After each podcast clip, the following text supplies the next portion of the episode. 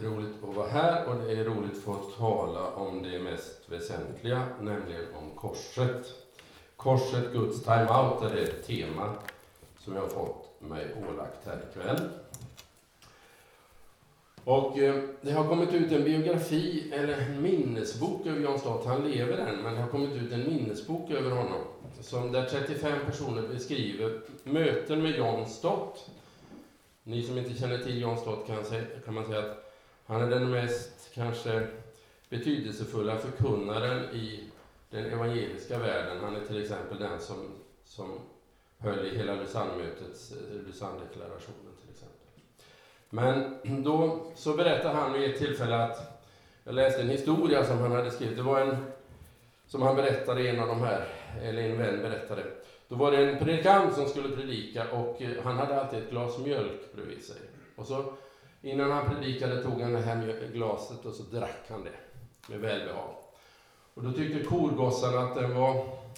De skulle skoja med honom så de blandade i det här glaset lite whisky. Ganska mycket whisky. Och så tog, så tog han det här glaset. Så tog han första klunken och så slickade han sig om munnen och smackade och så drack han upp, den, drack han upp glaset och så sa han Vilken ko! Och det var... Då kan man tänka, det är en rolig historia. Men om vi då går till första Korinthierbrevet 1, vers 18. Då säger Paulus så här. Korset är Guds kraft. Och då är vi genast inne i det som det handlar om ikväll. Det finns ingenting när det gäller kraft som kan motsvara den kraften som finns i korset. I, om vi tar bort korset ur den kristna tron så skulle det bli en urvattnad kraft det blir, det skulle inte bli, det är så att säga, det är hela kyrkans DNA. Det är hela trons DNA. Och det är som om vi plockar ut alla de minsta beståndsdelarna. Det blir ingenting kvar egentligen. Eh, Simson, när han klippte håret tappade han kraften. Tar vi bort korset så blir vi kraftlösa. Och då, då är det här ordet, det får vara det vi har med om, eh, att eh, det är Guds kraft. Första kor 1, 18. Då tänkte jag ta fram tre enkla saker om korset. Korset, Guds time-out. Och då vill jag börja med att säga att korset många gånger inte är en time-out för oss. Faktiskt.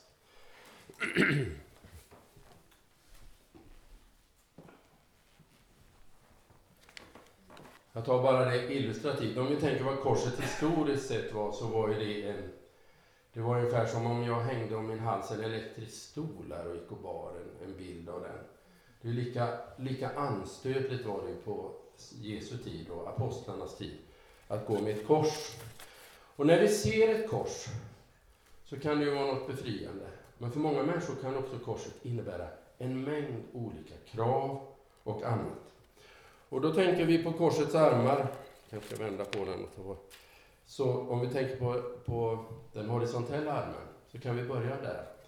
Att korset talar om vår nästa. När det gäller Kain och Abel, när, när Kain har mördat Abel, så säger Gud till, eh, till Kain, din broders blod ropar till mig. Och då kan vi se korset och den här tvärslån och då kan vi tänka, många gånger kan korset säga till oss och ropa till oss om allt som vi borde gjort som vi inte har gjort. Tänker nu, jag har haft semester en dryg vecka, så tänker jag på en mängd människor som jag borde gjort hembesök hos. Jag tror att vi alla har olika saker vi tänker, det borde jag ha gjort. Det bör jag göra.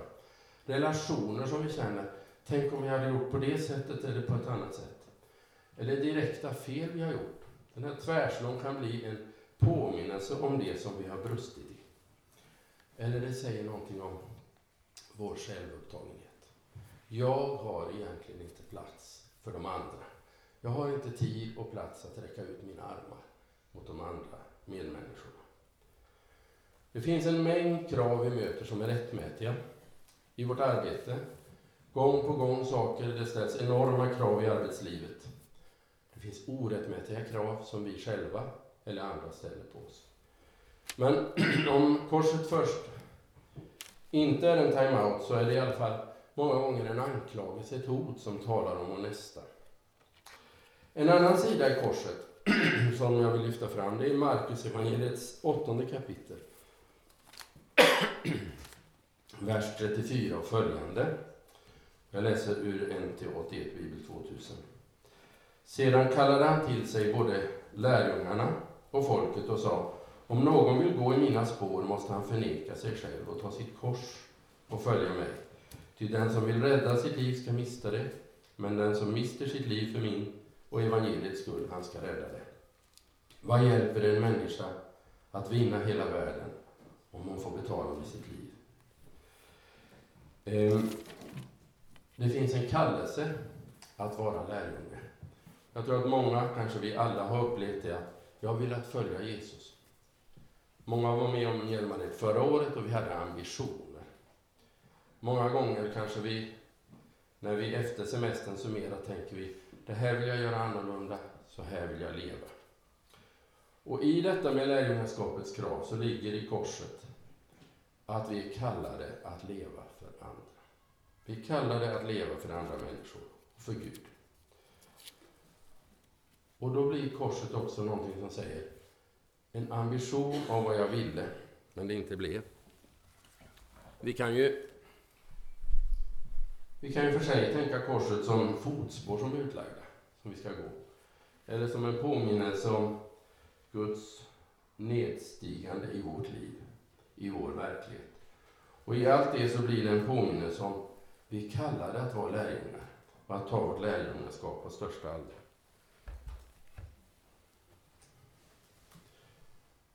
Lyssna, be, visa omsorg. Och kanske lite mer sofistikerat, fegheten att våga stå för att vara kristen. Idag är det inte så populärt att vara kristen i samhället. Och det föraktet som vi då kan möta, det kan vi vilja dra oss undan. Vi är inte som Polycarpus som när han skulle avrättas vid 86 års ålder, om jag minns rätt, vid en förföljelse, säger att de ber honom avsvära i Kristus. Och han säger, han var ju över, i 86 år har jag tjänat honom och han har inte gjort mig något ont, skulle jag svika honom nu. Många gånger får fegheten greppen, greppet om oss, människofruktan. Och det beror bland annat på att korset inte får komma med sin kraft in i vårt liv. Men det kan vara ännu mer sofistikerat än så. Det vi kämpar med när vi, vi vill ju verkligen leva ett helgjutet kristet liv. Jag vill ge mitt liv åt Jesus som den unge Fridfeldt säger till den gamle prosten i Stengrunden del 2. Och så kommer vi börja tala om andra. Det här lite smygande förtalet andra i församlingen, andra kristna, grannar. Eller girigheten som börjar liksom ta tag i oss. Där vi är beredda att ändå avstå vissa principer för att skaffa oss vissa fördelar. Eller hur? Allt det här är klassiska synder, men de finns så djupt hos oss. Eller det som, det är ju bara ett klick med att befinna sig på de allra, allra mest omöjliga sajter på nätet. Det finns många beroenden på olika sätt. Eller att Gud är så liten, vi räknar inte med honom. Det kan vara så för någon av oss som har kommit hit att tron har blivit en börda. Jag har försökt att följa Jesus. Jag har försökt att ta det på allvar. Men det blir liksom så kraftigt. Jag har bett om Guds ande och det blir så kraftlöst alltihop. Det är det andra, den andra sidan i detta, att vi säger att det blir inte Guds time-out, utan det blir snarare någonting som hotar oss. Och så den tredje sidan i detta med korset, och det är den största och viktigaste, det är att korset vittnar om vår synd. Om vi ändå tänker så här, korset är ett fruktansvärt avrättningsredskap. Och så finns det en hälsning till oss. Varför står korset, säger Nya Testamentet. Kristus dog för våra synder. Det betyder att korset står det bara av ett enda skäl. Egentligen, Gud har blivit människa och offrat sig på korset av ett skäl. Nämligen för att befria oss från det som är fel i relation till Gud. Om vi då tänker vad är synd? Då kan vi tänka att synd är små saker vi gör. Men när Bibeln ska beskriva synd, till exempel Paulus i Romarbrevet 8, då säger han att vi varken vill eller kan göra Guds vilja. Romarbrevet 8-7. Eller vi tar Första Mosebok 3. Vi tar det bara som, även om det är så känt för oss. Det är ju ändå en, en, en katastrof som inträffar att det förtroende som fanns, det gick helt förlorat. Vi kan bara tänka den fasansfulla upplevelsen att vi kommer hit till Hjälmared. Och så är det en människa vi hela tiden ser på avstånd och varje gång vi ser den människan så går den en annan väg. Den springer och gömmer sig. Det är en förfärlig tanke. Och det är det som händer de första människorna. De gömmer sig, för de gömmer sig för Gud, för de vet att de har brutit det här förtroendet. Vad händer då när vi blir eh, varse att det finns synd? För jag tror inte att synden alltid är ett problem för oss. För vi ser inte alltid hur allvarligt det är, hur stort det är. Men när Bibeln ska beskriva den, så beskriver den det så här. Nu vet jag inte om ni ser.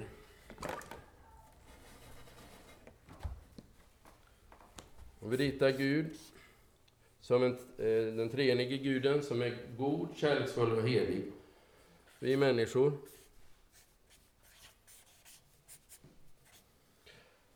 Och så Guds reaktion mot det onda.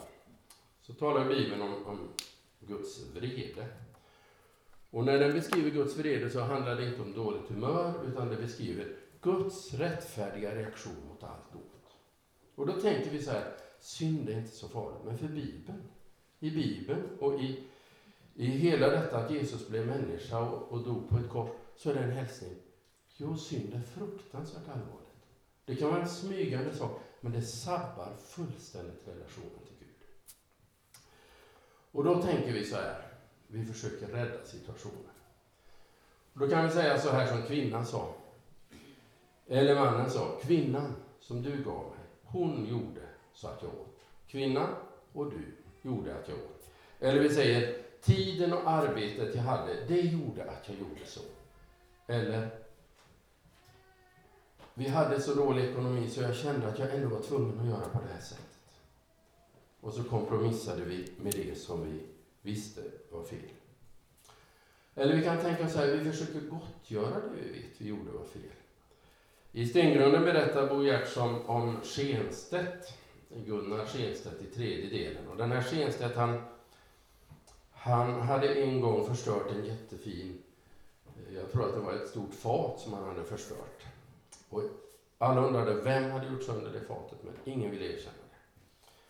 Och sen när, när det här fatet har då sopas det undan och glöms och så vid jul så brinner julgranen, börjar den brinna.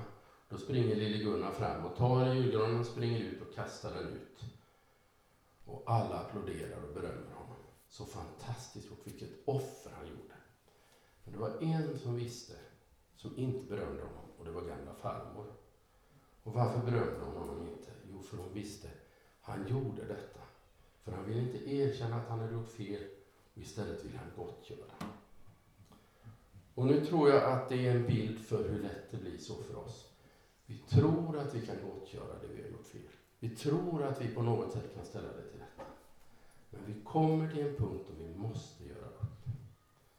David såg till att Batseva blev hans fru efter äktenskapsbrott och dödade hans man, hennes man Uria.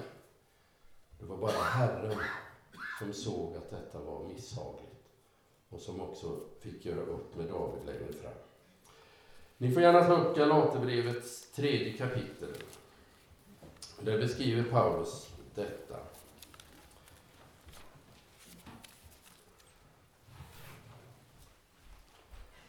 Då säger han så här i den tionde versen.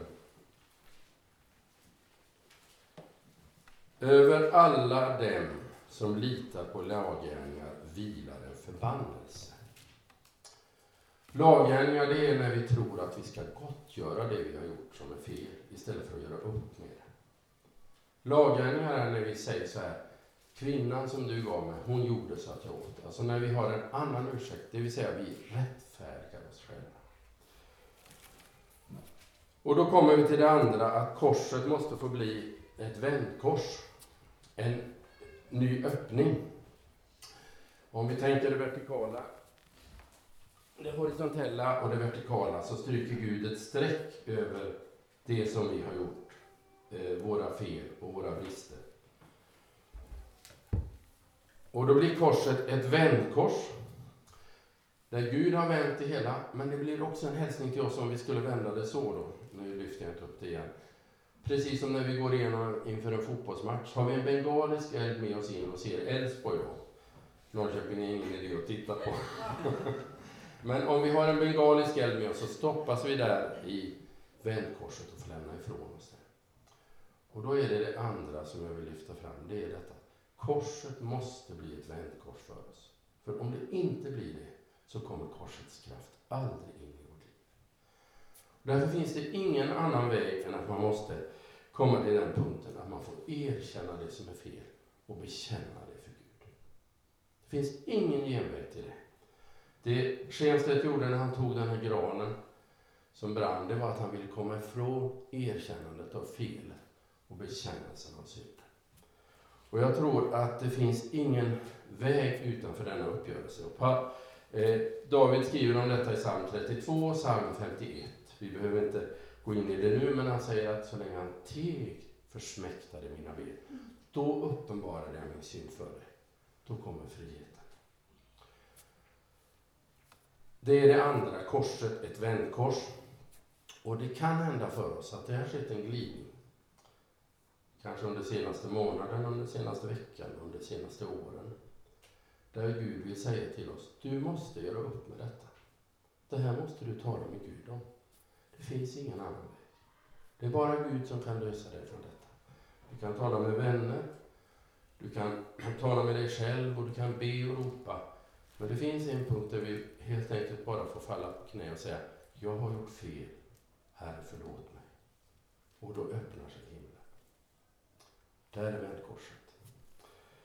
Och så det sista, det tredje. Korset, Guds time-out. Avslutningsvis. Om vi tänker det då som en time-out ifrån idrottsvärlden så betyder det ju att man tar en time-out, man kan göra det på olika sätt och Lasse var ju inne på det här och ni andra vid inledningsmötet. Men det betyder ju att man på något sätt vänder spelet. Man vill vända situationen. Och nu finns det tre saker i detta med korset som Guds time-out. Om ni är kvar i Galaterbrevet 3 ska vi titta på det alldeles strax. För det, det första är att korset är Guds seger. Han vänder spelet, han vänder matchen. Och det är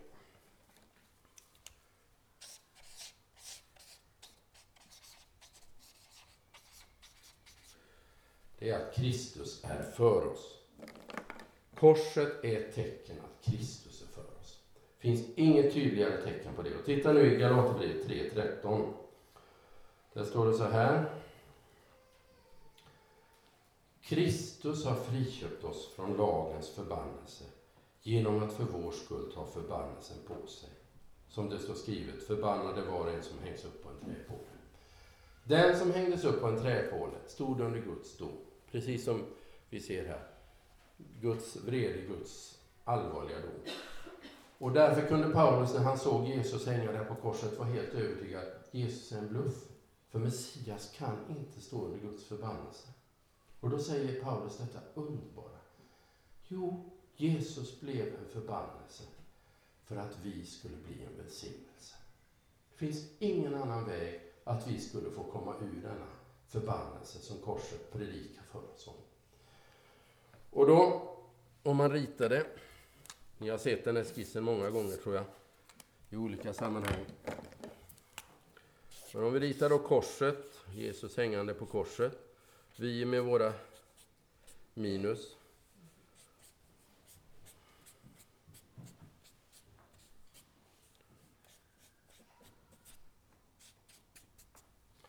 Jag vet inte om ni ser denna skiss?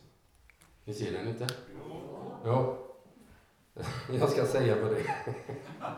Men det ni ser är alltså att Gud som sänder domen och Jesus som hänger på korset. Vi som står under denna dom. Men när Jesus hänger på korset så stryks ett streck över alla våra minus. Och under korset så vilar Guds välsignelse. Och skulle vi läsa Galaterbrevet 3 nu, som vi inte hinner göra, så kan jag bara säga att det det handlar om är att det, det han säger är att vi kommer in under Guds välsignelse. Vi har, fått, vi har blivit rättfärdiga och vi har fått tron, eh, trons rättfärdighet. och vi har fått anden. Det beskriver Paulus här. Och han utlägger det i Andra Korinthierbrevet 5.21. Så säger Paulus att Kristus, så står det så här. Han som inte visste vad synd var, honom gjorde Gud till ett med synden för vår skull, för att vi genom honom skulle bli till ett med Guds rättfärdighet. Alltså, det som Paulus säger här, det är att det sker en total transfer. Och den transfern innebär att det som förs över till oss är Guds rättfärdighet. Och nu har vi hört det många gånger. Och samtidigt är den hälsning, Gud gläder sig över oss. När vi befinner oss i trons relation till Jesus, när vi har en relation till Jesus, då kommer vi in under denna välsignelse. Och där den välsignelsen är, där är det öppet i himlen. Där vill Gud liksom ge oss av sin andliga välsignelse, av sin ande, av allt gott. Och då blir ju de orden, din broders blod ropar till mig från jorden. Det blir en hälsning till oss. Min broders blod ropar till Fadern om att jag får vara hans egen. Jag är älskad. Jag är älskad trots alla fel och brister. Jag är älskad trots min kamp med olika synder. Jag är älskad trots alla felsteg jag har gjort i olika relationer och få stå under Guds välsignelse. Och därför kan Paulus skriva i Romarbrevet 8.1 så finns ingen fördömelse för de som är i Kristus Jesus. Så ser Gud på oss. Vi ska som avslutning sen få sjunga eh, från Med Gud och hans vänskap. I famn han mig trycker som täckaste brud. Han ser mig Jesus, jag evigt Jesus, rättfärdig och ren. Så ser Gud mig. Och det är så lätt att tänka att det här är, det har vi väl hört. Men det här är själva nyckeln, att jag kan gå med rak rygg och att jag älskar av Gud. Trots alla fel och brister. Trots den kamp jag för med mig själv. Det är det ena då som eh, det innebär. Det är nämligen att korset är Guds time-out, det är segern, Kristus för oss. Det andra är att korset är Guds time-out, det är en ny kraft, Kristus i oss. Och vi är kvar i Galaterbrevet så tittar vi i vers 19 och 20 i andra kapitlet.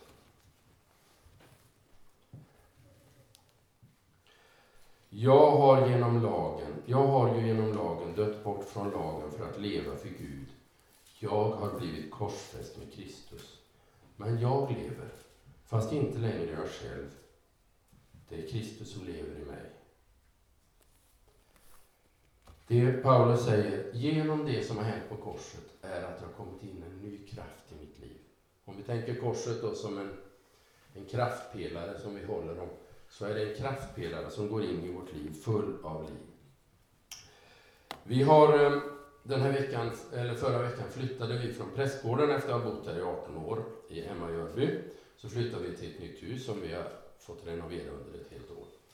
Du var nere där i förrgår och så, där är ju bara dammråttor kvar och så är det en massa som vi inte har tagit upp i Men så gick jag runt i huset i de tomma rummen och då slog det mig, när ingen bor i huset så är det själlöst. Och då om vi tänker för över det till oss själva, när ingen bor här inne så är det själlöst. Och våra liv är ett tempel för den helige Ande. Kristus bor i den som är tro på Jesus. Och då låter jag det bara bli en fråga till mig och till oss. Har vi slängt in Jesus i ett rum och så lämnat det övriga, då blir det själlöst. Vi kanske bara låter honom finnas på en religiös bana, men inte i resten av livet. Då blir livet själlöst, kraftlöst. Eller har vi inte plats för honom längre? Har han fått gå ner i källaren och hålla till där? Det får bli en liten fråga. För det som Paulus skriver här, det är att det finns en ny kraft som vi kan få del av. Och nu när vi är på lägret så har Gud sin glädje att ge oss av denna kraft. Att fylla oss på nytt med sin Ande. Att fylla oss på nytt med den livsgnista som finns i att korset står där för mig och att Kristus har börjat bo i mig. Han har tålamod och han vill ge det till mig. Han har ögon som han vill ge mig så att jag ser. Moder, se din son, säger han på korset. Han får hjälpa oss att se andra med sina ögon. En ny kraft, Kristus i oss. Och så det tredje är att vi har fått en ny spelare. Och då går vi till Hebreerbrevet som avslutning. Kristus med oss. Hebreerbrevet 2, vers 17 och 18. Jag vill läsa som det sista här.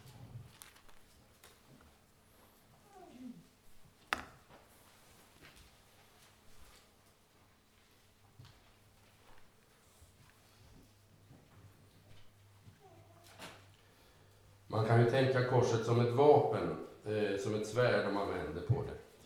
Och något av det finns i det. Om ni tänker en time-out då.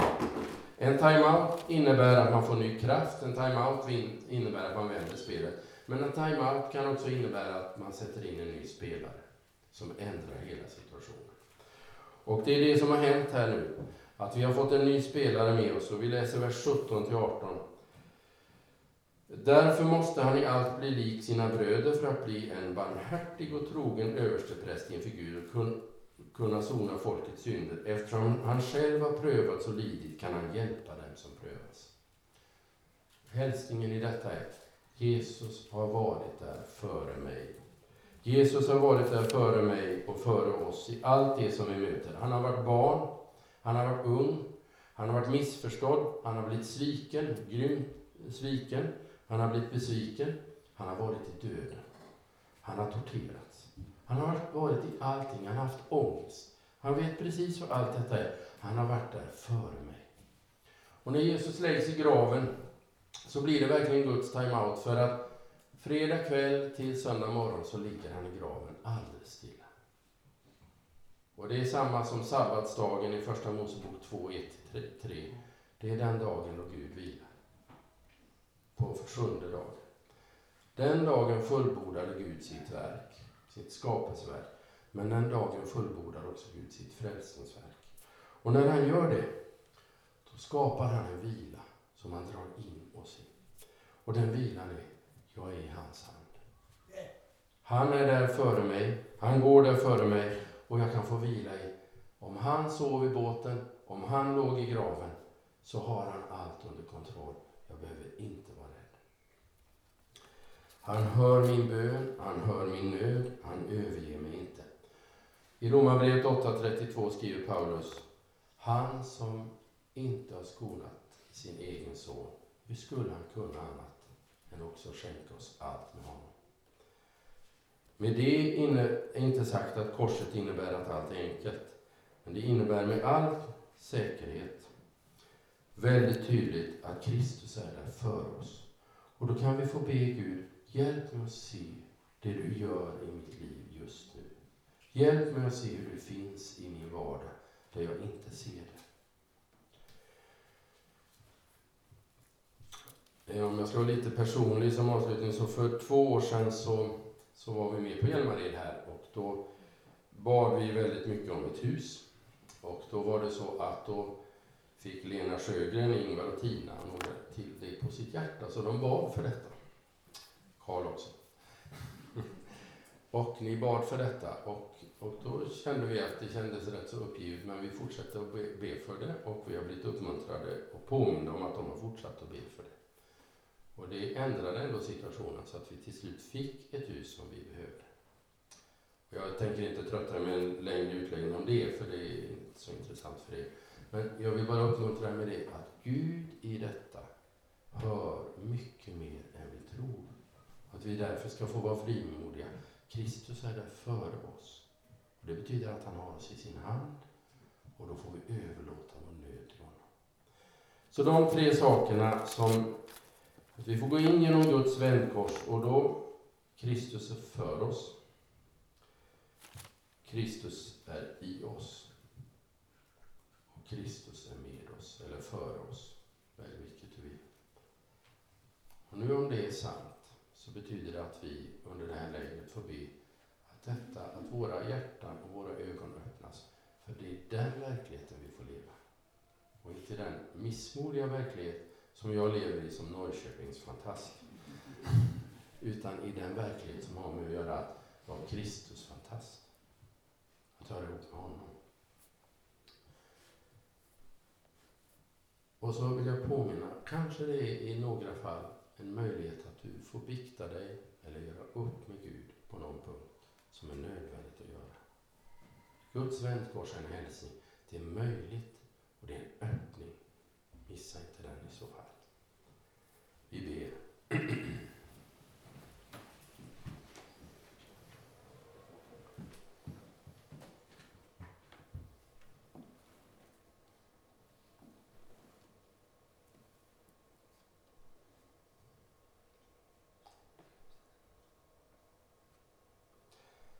Jesus, du ser att vi så sällan ser korsets betydelse. Vi ser så lite av syndens kraft i vårt liv kanske, eller vi ser så mycket av den och blir förtvivlade. Eller du vet alla krav som vi känner, den förbannelse vi känner över oss själva och över alla misslyckanden och brister. Vi tackar dig för att korset är ditt vändkors, att det är en öppning till en ny time-out, att du är för oss. Att vi får leva i din välsignelse. Att du vill bo i oss. Att du Jesus Kristus har tagit din boning i oss och vill fylla hela vårt inre och vårt liv med ett själfullt liv från dig, ett andefyllt liv. Vi ber att du helige Ande fyller oss på nytt under det här läget. Och så tackar vi dig Jesus för att du går före oss, att du har varit i varje situation före oss och möter oss där. Hjälp oss att se vad du gör i det som sker och där vi är just nu. Vi ber om det i Jesu namn. Amen.